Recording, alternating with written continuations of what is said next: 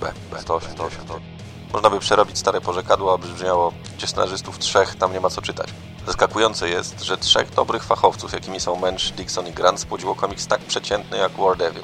W zasadzie cierpi na podobną zarazę co produkt Franka Millera. Co ciekawe, wydane w tym samym roku historie te zdają się nie znajdować w jednym kontinuum. Cierpi na kliszowość. Prolog opowiada nam o tragicznym losie wioski z początków anglosaskiego osadnictwa w Ameryce, której wszyscy mieszkańcy zniknęli. Konia z rzędem temu, kto wie, co łączy prolog z resztą, poza imieniem jednego demona i pentagramem, najbardziej wyświechtanym symbolem mocy piekielnej. Batman poszukuje potencjalnych terrorystów, tymczasem Spawn w Nowym Jorku przypadkiem widzi w gazecie zdjęcie, które przywołuje wspomnienia z czasów, gdy był jeszcze Alem Simonsem. No i wyrusza do Gotham powspominać pewne zlecone przez rząd zabójstwo. Całkiem przypadkiem Batman wkracza do wspomnianego budynku, który czeka właśnie na uroczyste otwarcie, szukając wskazówek mających pomóc w rozwiązaniu zagadki wspomnianego zabójstwa sprzed sześciu lat. Tymczasem na gothamskim cmentarzu wspomniany nieboszczyk wstaje z martwych, wysysając energię z kotów i szczurów, a następnie krwią swego współpracownika wyrysowuje wspomniany pentagram w piwnicy wspomnianego budynku. I oto generał Piekieł i Mroczny Rycerz nagle znajdują się w tym samym miejscu, szukając tego samego, chociaż nie wiadomo do końca czego. A gdy już stają twarzą w twarz, nie pozostaje im nic innego jak mordobicie. Tym razem nie ma krwi, Spawn truchleje z powodu kostiumu Batmana, a Gacek go nie przezywa zaś wszystko trwa tylko chwilę i natychmiast praktycznie stają ramię w ramię. Tymczasem w mieście gaśnie światło, poza wybranymi obszarami, które układają się we wspomniany, wyświechtany symbol.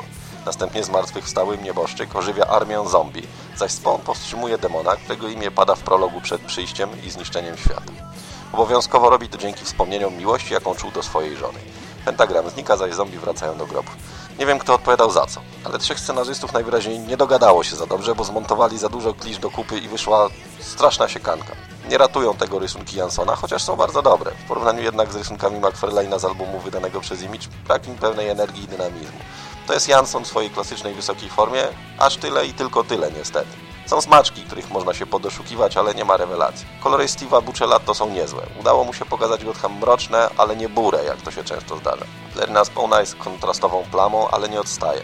Ta współpraca Klausa ze Steve'em w War Devil to przygrywka do spektakularnej oprawy graficznej Defend the Maidens, którą stworzyli kilka ładnych lat później. O War Devil nie można powiedzieć za dużo. Raczej sztampowa historia pełna drobnych idiotyzmów, mniej graficznych fajerwerków w porównaniu z produktem Millera i McFarlane'a. Na plus trzeba zaliczyć dużo lepsze, inteligentniejsze przedstawienie postaci Spawna, ale się nie rozpędzajmy i zaprezentowanie bardziej kanonicznego Batmana. Nie ma też irytującej, górnolotnej narracji. Natomiast Dixon, Mensch i Grant potrafią pisać rzeczy o kilka klas lepsze. W sumie szkoda zmarnowanej szansy, bo to mógł być świetny album. Postacie mają niezwykły potencjał i nie trzeba by aż tak dużo, aby go wykorzystać.